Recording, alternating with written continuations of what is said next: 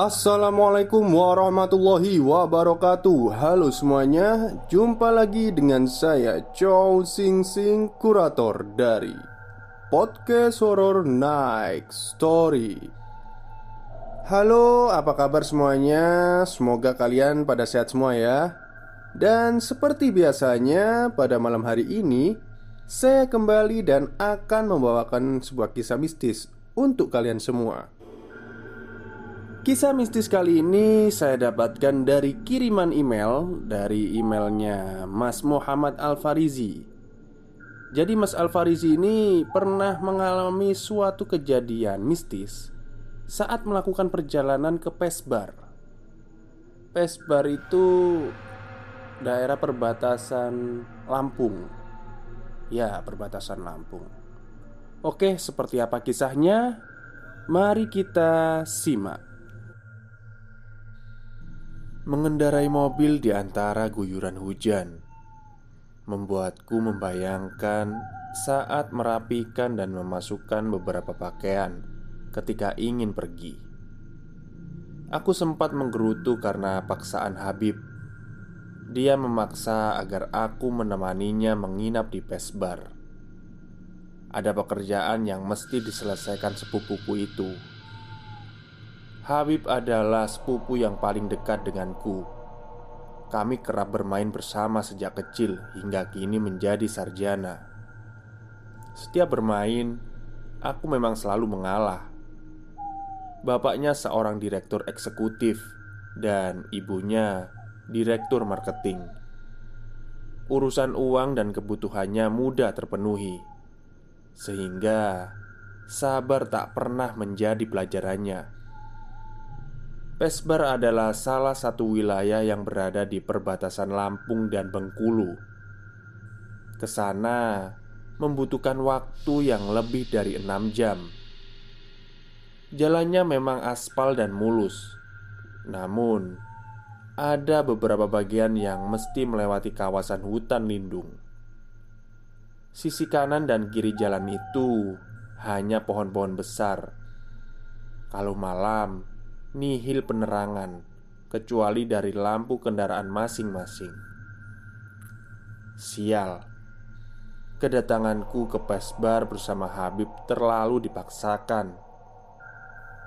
Habib tak mendengar keluhku. Dia tetap ingin berangkat meski hari sudah sore. Alasannya karena pagi mesti bertemu dengan calon rekan bisnisnya. Sebelum memaksaku ikut bersamanya, dia lebih dahulu menanyakan apakah seminggu ke depan aku sibuk. Tapi sial bagiku, karena aku terlalu jujur. Namun, aku sempat bermalas-malasan agar tidak ikut bersamanya. Musim hujan dan bukan lantaran liburan adalah alasanku. Namun, dia mengancam tidak akan membayar wifi jika aku tidak menemaninya. Aku memang selalu ke rumahnya agar dapat fasilitas wifi. Aku bebas kapan saja untuk main ke rumahnya. Itulah sebabnya dia memiliki senjata untuk mengancamku. Apalagi selama orang tuanya bekerja di luar kota semua keperluan rumah memang dia yang membayar. Petualangan, atau lebih tepatnya, jika ku katakan, perjalanan pun mulai dari Bandar Lampung sampai Tanggamus.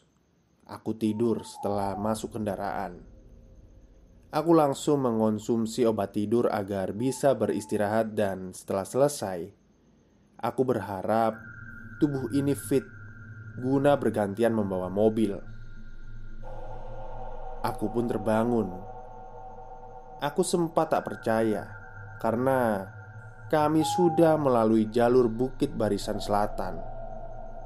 Di sisi kanan dan kiri ada pohon-pohon besar dan rindang.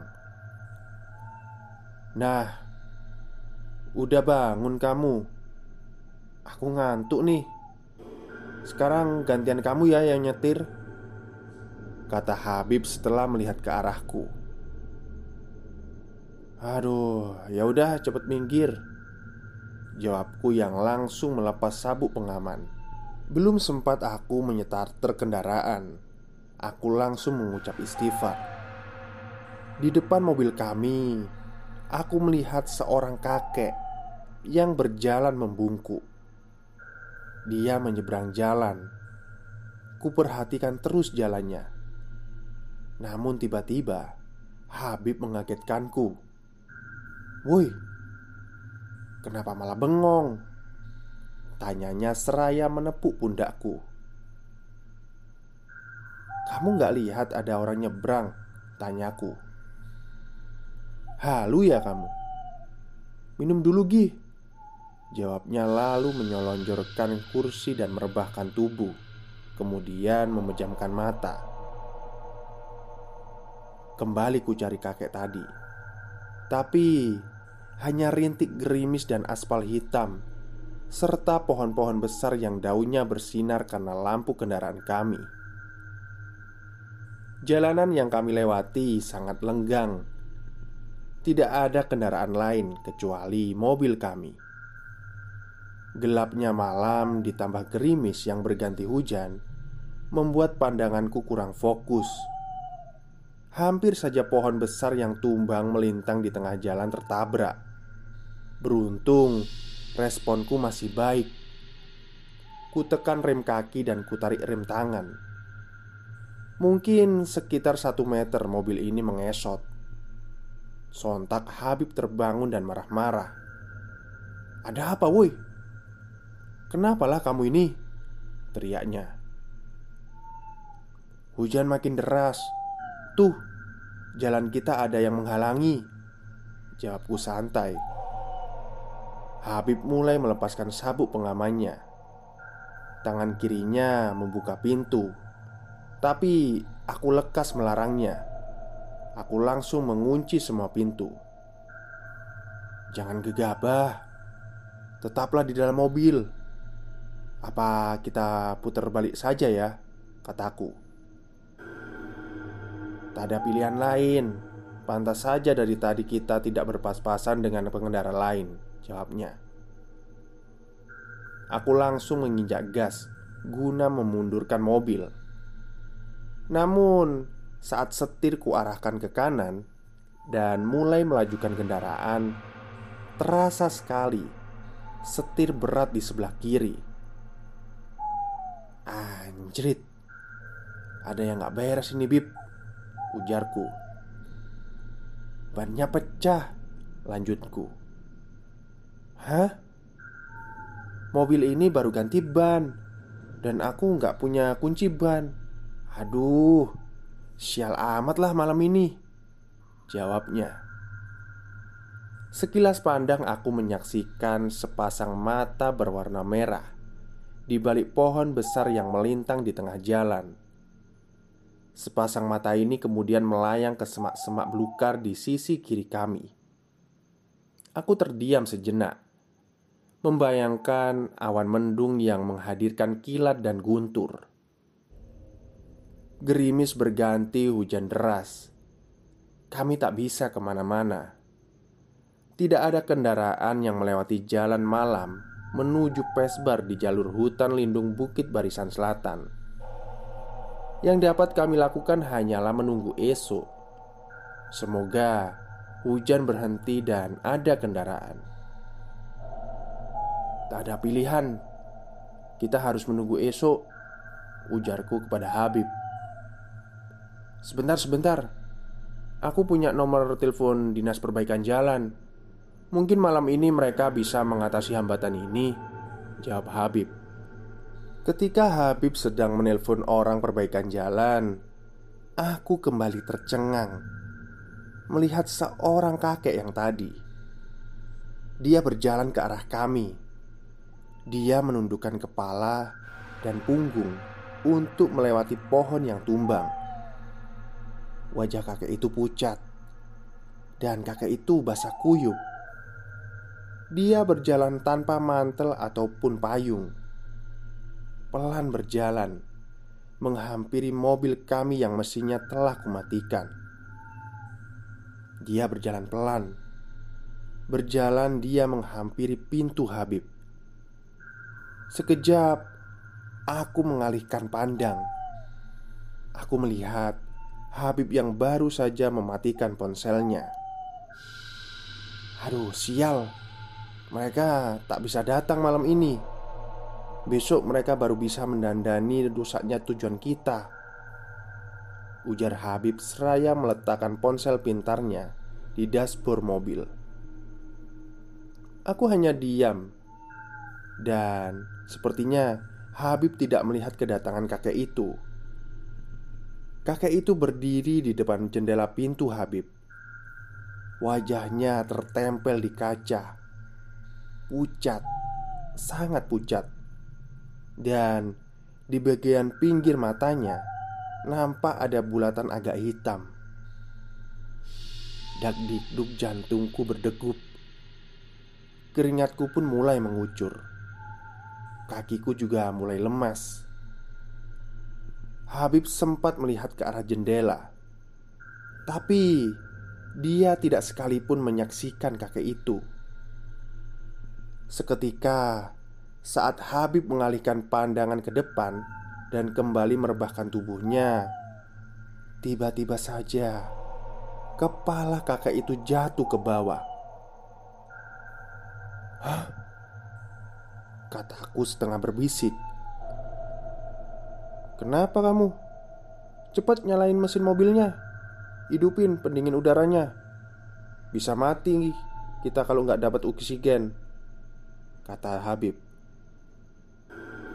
Sambil memutar kunci di bawah setir mobil Sembari menunggu mesin mobil menyala Aku tak henti-hentinya berdoa seraya menundukkan kepala. Putusnya leher kakek itu yang secara tiba-tiba mengusik pikiran dan perasaanku. Sekilas, aku menyaksikan darah muncrat ke atas saat tiba-tiba kepala kakek itu terputus. Aku menghela nafas saat mobil menyala. Namun, aku melihat sesuatu berwarna hitam menggelinding dari arah kolong mobil kami saat lampu kunyalakan. Mata ini tak bisa kubejamkan, tak mau pula terpejam. Fokus aku memandangi sesuatu yang berhenti menggelinding tepat di depan batang besar yang melintang itu. Itu adalah kepala batinku. Pikiranku mengembara ke siang tadi. Aku sungguh menyesal mengikuti kehendak sepupuku ini. Kepala itu memiliki mata yang utuh, mata yang merah melotot tepat ke arah kaca depan mobil. Mengucur darah dari bagian leher yang terpotong dari kepala itu, sedangkan rambutnya hitam dan berantakan. Ada apa ini? Mengapa kejadian ini hanya nampak padaku? Ujarku dalam hati Seraya memegang erat setir mobil dan masih memandang ke depan Kepalanya masih memandangku Namun Belum sempat pandangan ini dapat kuarahkan. Mulut dari kepala itu menganga. Nampak jelas darah keluar dari sana. Yang dapat kulakukan hanyalah berdoa. Tak tahu diriku apa yang terjadi dengan Habib. Tak terdengar suara dari mulut atau gerak tubuhnya. Hujan deras mengguyur malamku Sesekali terlihat kilat dari jalur atas sana. Tapi itu tidak begitu menyutkan nyaliku. Kakek itu berjalan perlahan. Tangannya merentang ke depan. Dia meraba-raba jalan lempang. Dia menghampiri kepalanya. Kedua tangannya berhasil menggenggam bagian tubuh yang terpisah. Aku sudah menghentikan putaran kipas pembersih kaca Semata-mata Supaya tidak begitu jelas pemandangan seram ini Namun Tetap saja, mata ini melihat kedua tangan keriput yang pucat menggandeng kepala di bagian kanan tubuhnya. Sosok kakek itu mengarahkan pandang tepat ke arahku setelah dia menenteng kepalanya. Sekarang tidak lagi digenggam, tapi dia menjambak rambut kepala itu. Tangan kirinya menenteng kepala yang matanya memerah dan mulutnya menganga. Seraya tak henti-hentinya mengucurkan darah. Keroak dari lehernya menambah kesan memualkan. Bulu punggungku kian mengejang. Sosok yang menenteng kepala itu berjalan pelan ke arahku. Mulutnya tidak lagi menganga. Senyum yang maknanya tak aku mengerti adalah pemandangan baruku. Sekedip pun aku tak mampu. Justru leher ini mengikuti arah sosok itu. Tepat Dia berhenti di depan jendela pintuku. Kepalanya diangkat ke atas Sejajar dengan lehernya. Tangan kanannya mengetuk-ngetuk jendela Aku hanya diam. Dia berhenti mengetuk, tapi tidak. Justru giliran kepalanya yang mengetuk-ngetuk jendela pintuku. Jelas sekali, wajah tanpa ekspresi berada dekat dan hanya sekat kaca yang menghalangi kami. Tapi ke mana sepupuku? Tak ada suara atau gerakan. Entah mengapa mataku justru memandang dua bola mata yang kini telah berubah putih semua. Sekejap, aku berada di suatu lingkungan yang baru, suatu rumah. Aku berada dalam gubuk yang terbuat dari gerbik. Gubuk ini berada di pinggir jalan, jalan yang tidak asing ini seperti jalan hutan lindung yang menuju Kabupaten Pesbar. Di sana, aku berdiri seraya menyaksikan satu lelaki berusia 60 tahunan dan satu perempuan yang usianya juga sama. Mereka sedang menikmati makanan desa dan segelas teh. "Pak, jangan nyari kayu dulu," Masih ada macan dan gajah di pinggir register Kata seorang nenek. Bu Sudah lama aku tidak menebang pohon.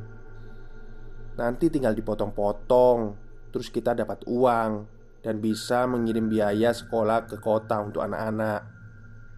Ujar kakek seraya mengambil camilan di atas meja Kemudian Pergilah kakek itu.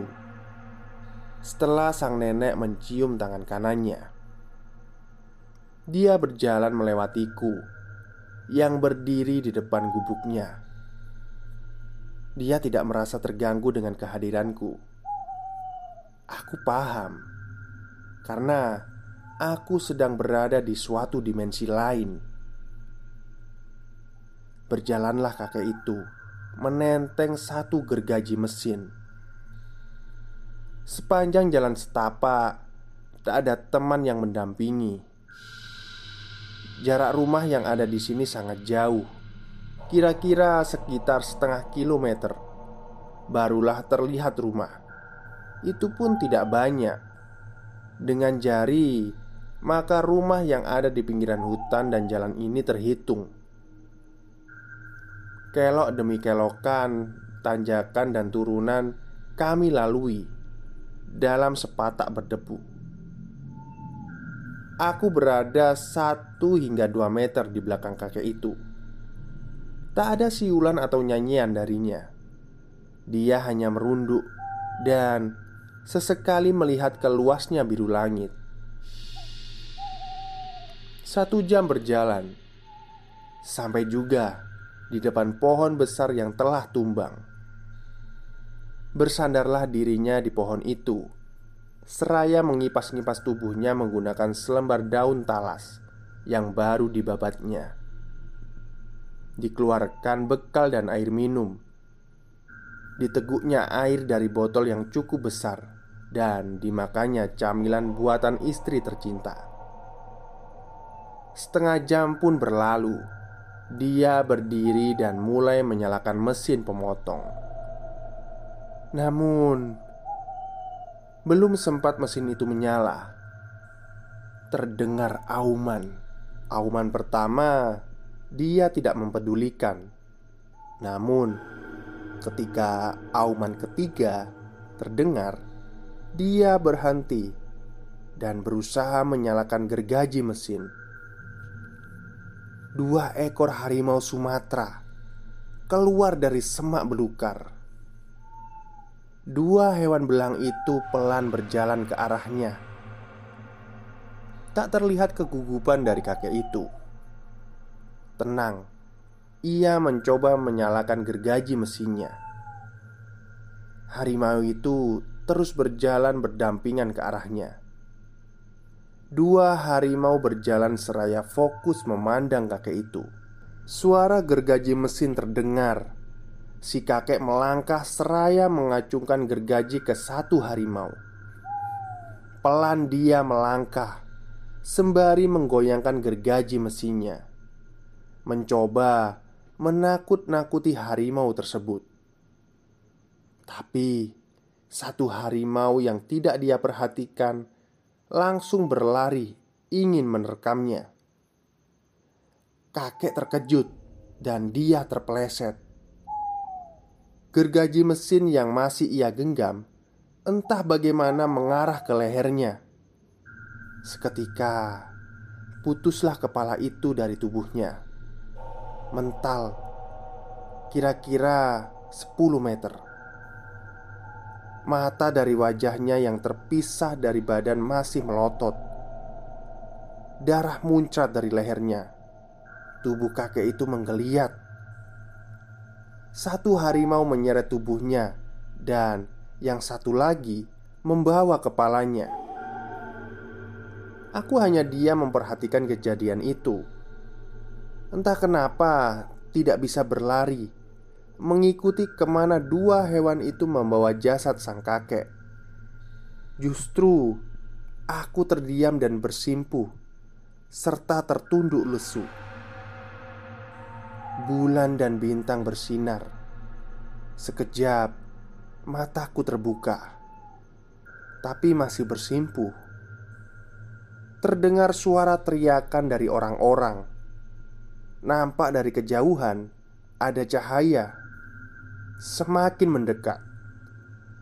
Aku melihat para warga yang memegang obor dan lampu tua Taulah diriku kalau mereka sedang mencari kakek itu. Para warga telah berkerumun di sekitarku, namun tak sekalipun menganggap hadirku.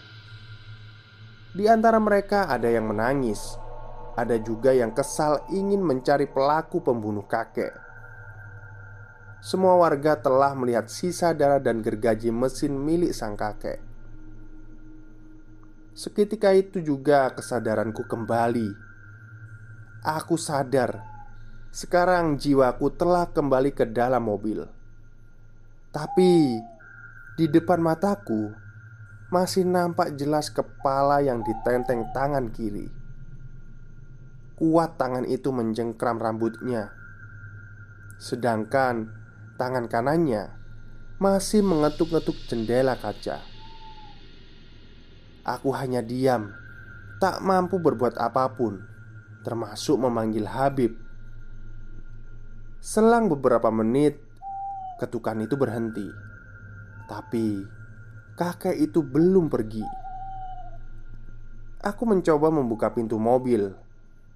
Beruntung, aku telah mengunci semua. Namun, dia berjalan ke arah pintu belakang, mengetuk dan mencoba membuka pintu. Anehnya, pintu itu terbuka, dan yang lebih aneh lagi, entah mengapa leher ini mengarahkan pandangan ke kursi belakang. Kakek itu duduk seraya memangku kepalanya. Wajah kepala di pangkuan itu mengeram. Sekejap, pandanganku gelap. Aku pingsan. Aku terbangun lantaran suara berisi gergaji mesin. Habib sudah tidak ada di kursinya. Dia sedang menjadi mandor para pegawai perbaikan jalan. Aku mengambil sebotol air mineral, lalu keluar. Bensin mobil kita sekarat, ujarku kepada Habib setelah membasuh seluruh wajah. Tenang, dikit lagi kita masuk daerah pemukiman warga. Sebelum masuk gerbang kampung ada pom bensin katanya, kata Habib. Lah, kok banyak udah nggak kempes? Siapa yang ganti? Tanyaku Kamu tidur terus sih. Tadi aku dan kakak-kakak ini yang ganti. Untung semalam aku sempat bilang supaya mereka membawa kunci roda yang sama dengan mobil kita. Jawab Habib seraya memangkut kedua tangan di pinggang. Satu jam kami menunggu. Pohon-pohon besar itu pun berhasil disingkirkan. Kami mengucapkan terima kasih kepada pegawai perbaikan jalan Meski kerja mereka tidak secepat yang kuharapkan. Lalu bagaimana dengan pertemuanmu? Tanyaku kepada Habib setelah kami masuk ke dalam kendaraan. Tadi subuh Aku sudah menyampaikan kabar kita. Calon rekan bisnisku mengerti. Dia menunda pertemuan. Katanya Hari ini kita istirahat saja setelah sampai di Pesbar Besok dia akan menghampiri kita di penginapan. Kata Habib mulai melajukan kendaraannya. Kita nginap di mana? Tanyaku setelah meneguk setengah botol air mineral. Di hotel pinggir laut Yang pasti kamu suka tempatnya. Ombaknya adalah pemandangan yang eksotis. Jawabnya senang Hah, akankah ada hal gaib apa lagi di sana? Batinku seraya memejamkan mata dan merebahkan tubuh.